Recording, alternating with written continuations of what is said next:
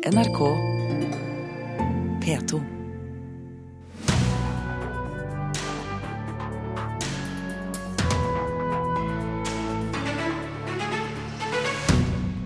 Musikkterapi hjelper i behandlingen av psykotiske pasienter, viser ny forskning.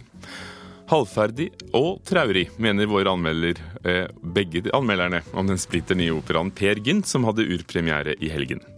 Lite sannsynlig at Munch-trykkene i Gorlit-samlingen er plyndret fra jødiske hjem, tror forfatter.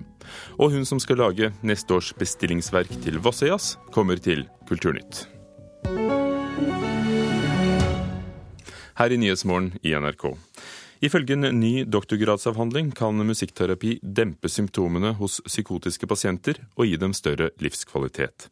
Forskeren bak studien mener musikkterapi bør inn som en del av behandlingstilbudet ved alle psykiatriske institusjoner. Men vi har jo Hvor er tekstene mine? Her.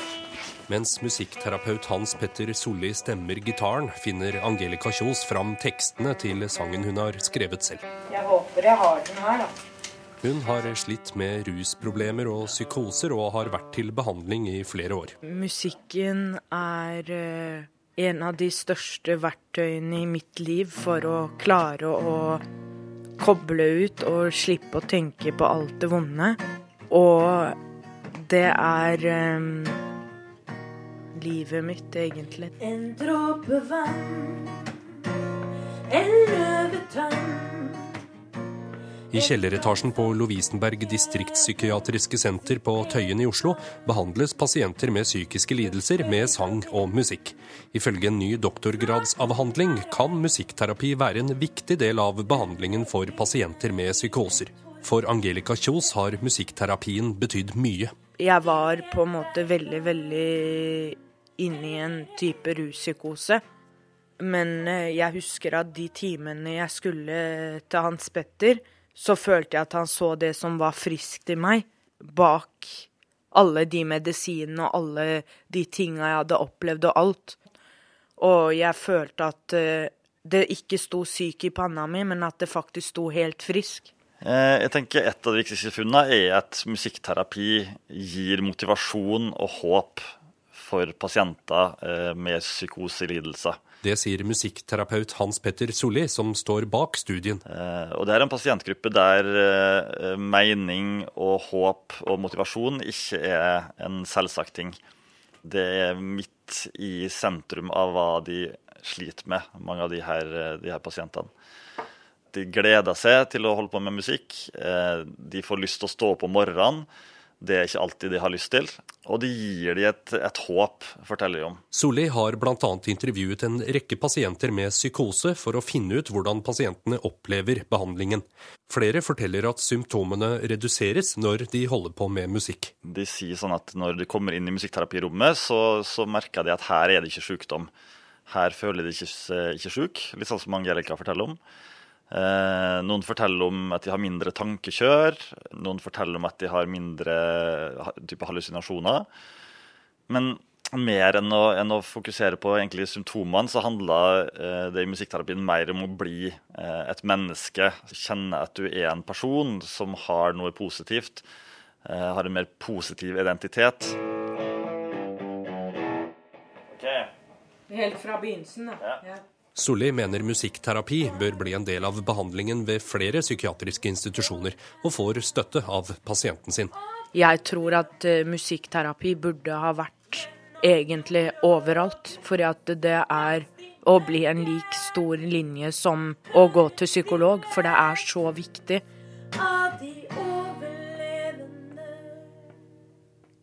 Sa og sang Angelica Kjos til reporter Halvor Haugen.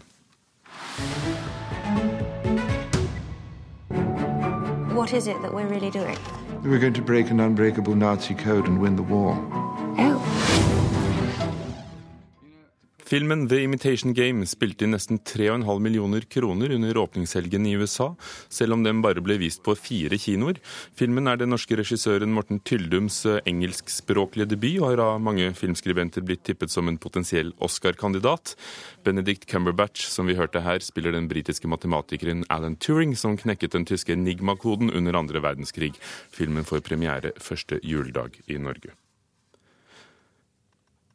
Et glassmaleri i domkirken i Stavanger ble utsatt for hærverk i natt. Noen har kastet steiner på glassmaleriet og laget flere hull. Politiet vet ikke hvem som står bak. Glassmaleriet som ble skadet, er laget av Viktor Sparre i 1957.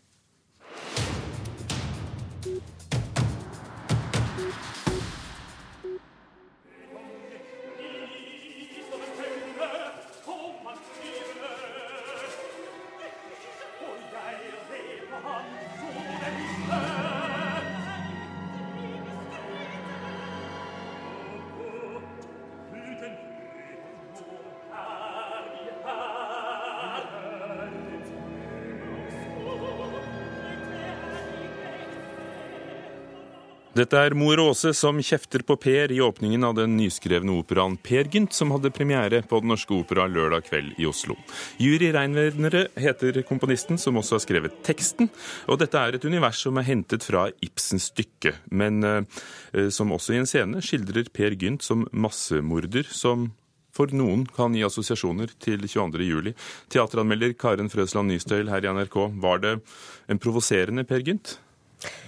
Nei, det syns jeg ikke det var. Og hvis du tenker på denne, denne scenen som refererer til 22. juli, så var så, er den kanskje egnet til å provosere noen, men jeg syns ikke den var provoserende, fordi det var så tydelig en, en drømmesekvens som ble, som ble framstilt på scenen. Så det var en en Per som ikke var så veldig lystig, og heller ikke så veldig Han hadde ikke så mange gode løgner å komme med. Det var en, syns jeg, en, en livstrøtt Per. En Per eh, som ikke klarte å velge i noen situasjoner i det hele tatt. En, en litt sånn Per som ikke, som ikke var på topp, på en måte. Vi har hørt mye om denne forestillingen før den i det hele tatt hadde premiere, ikke minst her i NRK Kulturnytt, hvor vi har hørt om musikken som har vært kraftig forsinket fra den estiske komponisten, bekymring blant kunstnerne, en avlyst forestilling og TV- og kinotransmisjon, og vår musikkritiker Øystein Sandvik, hva er det blitt til? Hva syns du om operaen? Altså, Det vi så, var jo på en måte et operaensemble som uh, virkelig tro til og gjorde sitt uh, beste. Uh, orkesteret spilte bra, det var veldig gode solister over hele linja. men de prøvde å redde et operaverk som ikke var vellykka, rett og slett. Det var en altfor omfattende tekst i denne operaen. Det var en massiv og monoton, traurig orkestersats som skapte problemer for solistene, som ofte ikke bar godt nok. Og det var ikke spesielt godt skrevet for eh, solistene heller. Mye av eh, Eller egentlig det meste av all sangen var av en sånn halvdeklamatorisk eh, art. Det var vanskelig å få dette til å bære ordentlig over den veldig kraftige orkestersatsen. Så inntrykket man sitter med, er en ganske langdrygg, monoton og traurig operaforestilling. Før vi går videre, Karen. Hvor mye av Ibsen er det i denne Per Gynt? Kanskje litt for mye. Jeg syns at Juri Rønvær har fulgt Ibsen nesten hele veien. Han har lagt inn noen nye ting, og, og jeg, men spesielt fra starten av så tenker jeg dette er Ibsen. Eh, dette er jo bare Ibsen, bare litt eh, gjort om på. Del to, der eh, tar han seg større frihet og beveger seg mer mot en, en samtidskommentar. Men det, men det ligger jo tett opp til Ibsen hele veien, egentlig. Og vi skal høre nettopp fra del to. Her er Anitra.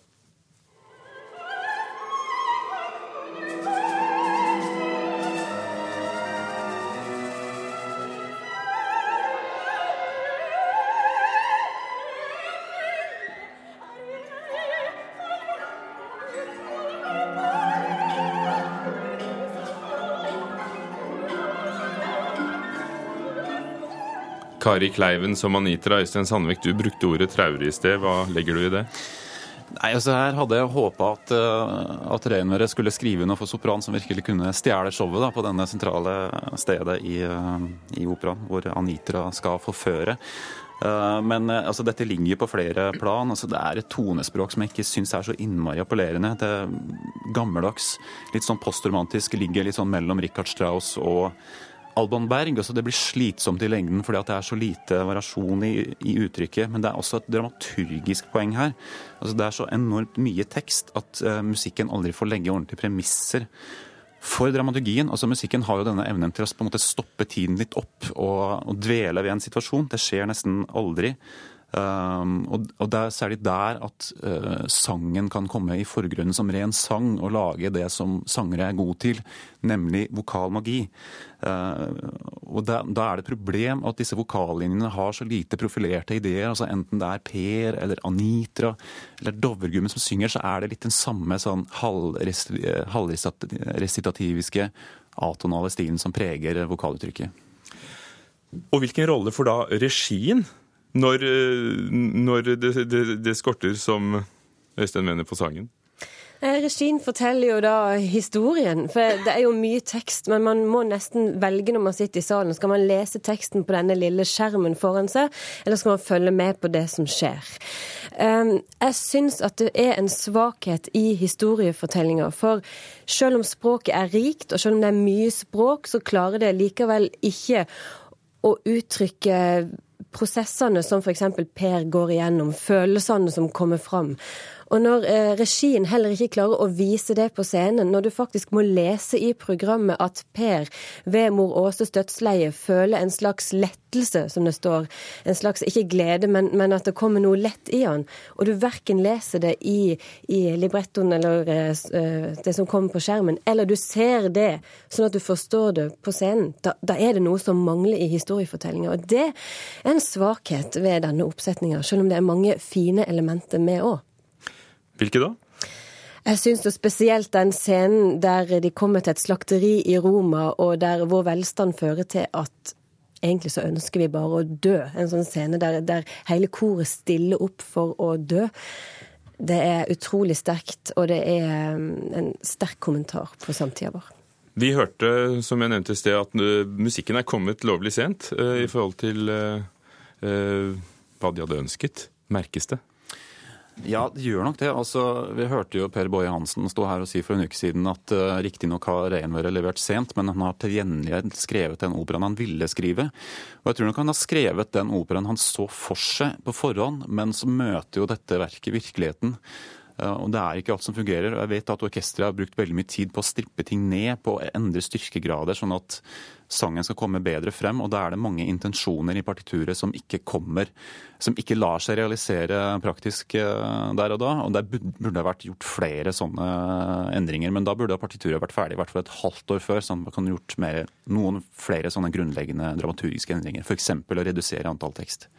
Reinværets ambisjon, sier han, har vært å skape en frittstående opera for vår tid, basert på Ibsen. Har han lykkes? Nei, det syns jeg egentlig ikke han har. Det, det er en helt grei Per Gynt-opera, men jeg må si at jeg gikk skuffa ut av operaen, sånn alt sett under alt. Sangerne, da? Altså, Sangerne gjør en kjempeinnsats. De er gode over hele linja, vil jeg si. Altså, Nils Harald Sødal synger som en helt i to timer, men det er veldig lite av det han synger som sitter igjen. Eh, ellers er jo David Hansen, kontratenoren, briljerer jo. Det er flott å høre på. Men veldig skuffende at ikke en så god sopran som Marita Sølberg får noe mer interessant å formidle til publikum.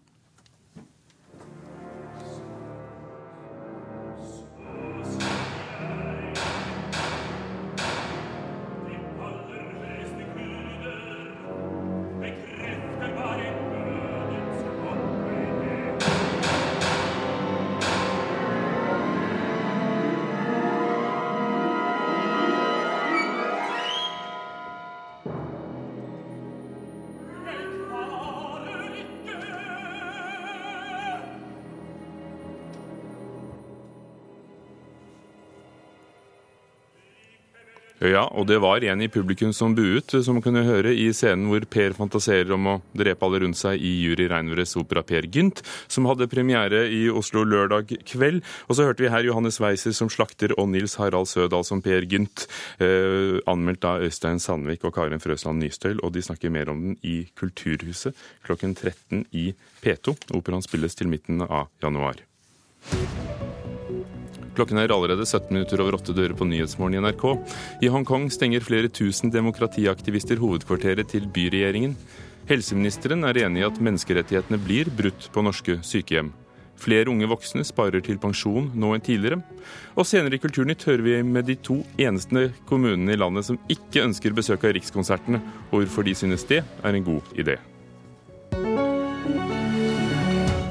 21 verk, trykk av Edvard Munch, er funnet i samlingen etter den tyske kunsthandleren Cornelius Gurlitt. Det skrev Aftenposten i helgen etter at kunstmuseet i Bern i Sveits offentliggjorde listen med de nesten 1500 kunstverkene som ble beslaglagt hos den tyske kunsthandleren for to år siden. Tyske myndigheter mistenker at flere hundre av kunstverkene er stjålet fra jøder under krigen. Forfatter John Hollen skriver på en roman om kunst i Tyskland før krigen, og kjenner derfor godt til jakten på kunsten som nazistene konfiskerte konfiskerte og tvangsholdte. God morgen, Jon Holm. God morgen, god morgen. Er det trolig at disse Munch-verkene er stjålet fra jødiske hjem? Nei. Det er synd å være så, å, å være så udramatisk, men eh, jeg tror nok det meste kommer fra tyske museer.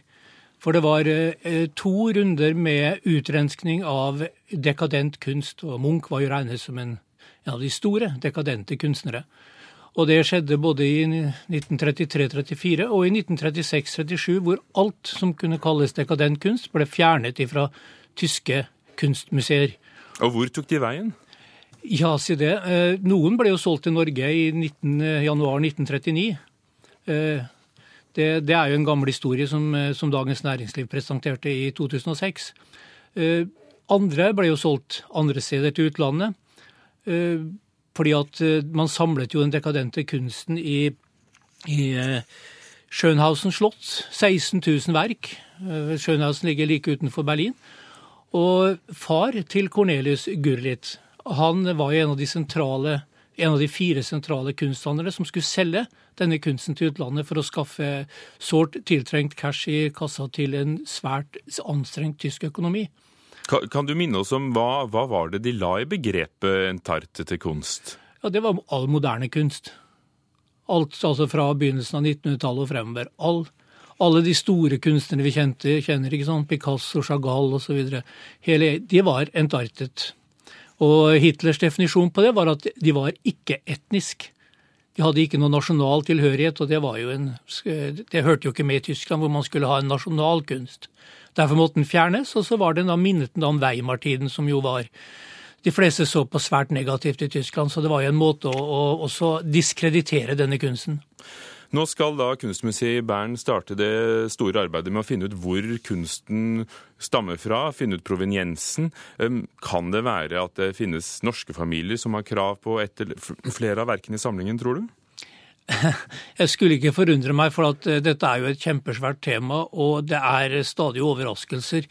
Eh, men jeg tviler sterkt på det, og jeg tviler sterkt på at eh, dette kommer i noe særlig grad fra tyske familier. Man skal huske på én ting, og det er dette her med at skal man gi seg inn i denne materien her, så bør man ha en hel del kunnskaper. Og Cornelius Gurlitt var ikke kunstsamler. Det var faren hans som var det. Han arvet farens samling. Faren var en meget aktiv kunsthandler og kvartjøde, og han hadde en stor samling selv. Han kan godt ha skaffet seg disse Munch-bildene i 1920-årene, 1930-årene, for han samlet på eh, moderne kunst helt siden 1920. Så det ville ikke vært noe forundret om, om, om faren hadde sittet med disse kunstverkene og skaffet dem selv. Dette vet man jo ikke før man har gått igjennom det. Cornelius Gurlitt døde altså i mai. For to år siden ble samlingen hans, etter at han har levd eh, så å si bortgjemt i, alle de år etter krigen, beslaglagt i en skatterazzia. Ehm, hva, hva, tror du, hvor mye av den vil være legitim å, å vise frem på Kunstmuseet Bern, som nå har fått den i testamentet? Og det er nok mye som ikke er legitimt. Det er utrolig mye kunst som ennå ikke er tilbakeført til familiene av de jødiske familiene som, som eh, fikk tvangs, måtte tvangsselge eller direkte konfiskert kunsten sin. Det, det, er, eh, det, er, et svært tema, og man, jeg tror det er lenge før man er ferdig med dette her. Takk skal du ha, Jon Holm, forfatter om de 21 kunstverkene, trykkene av Munch, som er funnet i samlingen hans. Bare to kommuner i Norge sier nei takk til konserter fra Rikskonserten i grunnskolen. Begge av dem ligger i Hordaland. Skolekonsertordningen innebærer at skolene får to gratis konserter hvert år. Sjef for Rikskonsertene, Turi Birkeland, mener barna går glipp av en givende kulturopplevelse som resten av landet får. Eh, for ungene så betyr dette et eh, dårligere kulturtilbud, ganske enkelt. Sjefen for Rikskonsertene, Turi Birkeland, er bekymret for kulturtilbudet til skolebarna i hordalandskommunene Askøy og Os. Som de to eneste kommunene i landet står de utenfor skolekonsertordningen, som gir elevene to gratis konserter hvert år. Det er konserttilbud med, av god kvalitet, tilrettelagt for unger. Og som jo er ment som en del av den kulturelle tilbudet vi gir til alle uansett hvor de bor i landet, og uansett hvilke foreldre de har. Det er ikke alle unger som har anledning til å oppleve levende musikk, men skolekonsertordningen gir dem i hvert fall muligheten til det to ganger i året. Slipp meg inn! Slipp meg inn! Hardrockbandet Skambankt er et av mange band og artister som har spilt på skoler i hele landet. Os har som eneste kommune aldri deltatt i ordningen, mens Askøy meldte seg ut i sommer. Fagsjef i Askøy, Åge Rosnes, sier at de klarer seg fint uten skolekonsertene. Vi har uh, en veldig god uh, kulturskole i Askøy. Vi føler vi er, dette er godt ivaretatt i kommunen. Å begrunne den manglende deltakelsen med god kulturskoleordning syns Birkeland blir feil. Å lære å spille et instrument på kulturskolen er ikke det samme som å oppleve livemusikk, mener hun. Det er veldig, veldig bra at kulturskolen er bra. Jeg tror vel ikke at samtlige unger på Askøy går på kulturskolen. Og det er også sånn at barn som selv spiller, også har behov for eh, inspirasjon og påfyll. Og de ungene som selv ikke er en del av kulturskolen, har de i alle fall. Så kulturtilbudet, eller konserttilbudet, er for alle og må være det.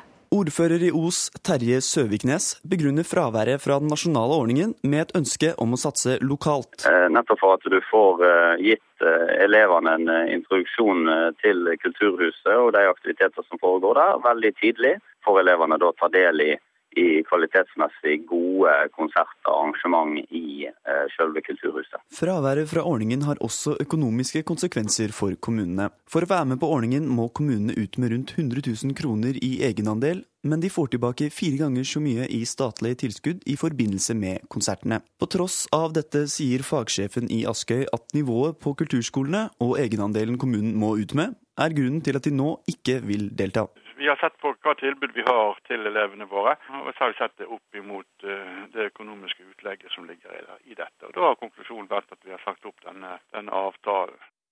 Sa Åge Rosnes i Askøy. Reportere var eh, Runa Victoria Engen og Jarl Nymo, som vi hørte i reportasjen.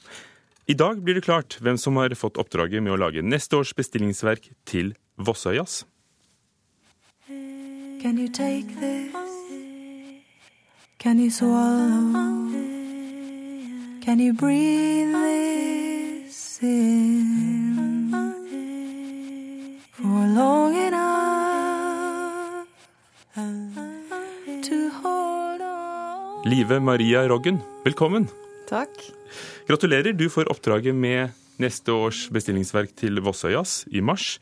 I hvilken ende skal du begynne? Jeg har jo begynt, men uh det er et godt spørsmål, for når man skriver både tekst og musikk, så, eh, så går det litt sånn eh, slag i slag. Og du vet, eh, tingingsverk, som det heter på Voss, det er jo Altså, bestillingsverkformen er veldig åpen, så da kan man gjøre veldig mye forskjellig. Så jeg får veldig mye innfall og blir slengt litt sånn fra side til side for tiden. Men jeg prøver å finne en sånn balanse mellom sanger og mer sånn instrumentalfortellinger, da.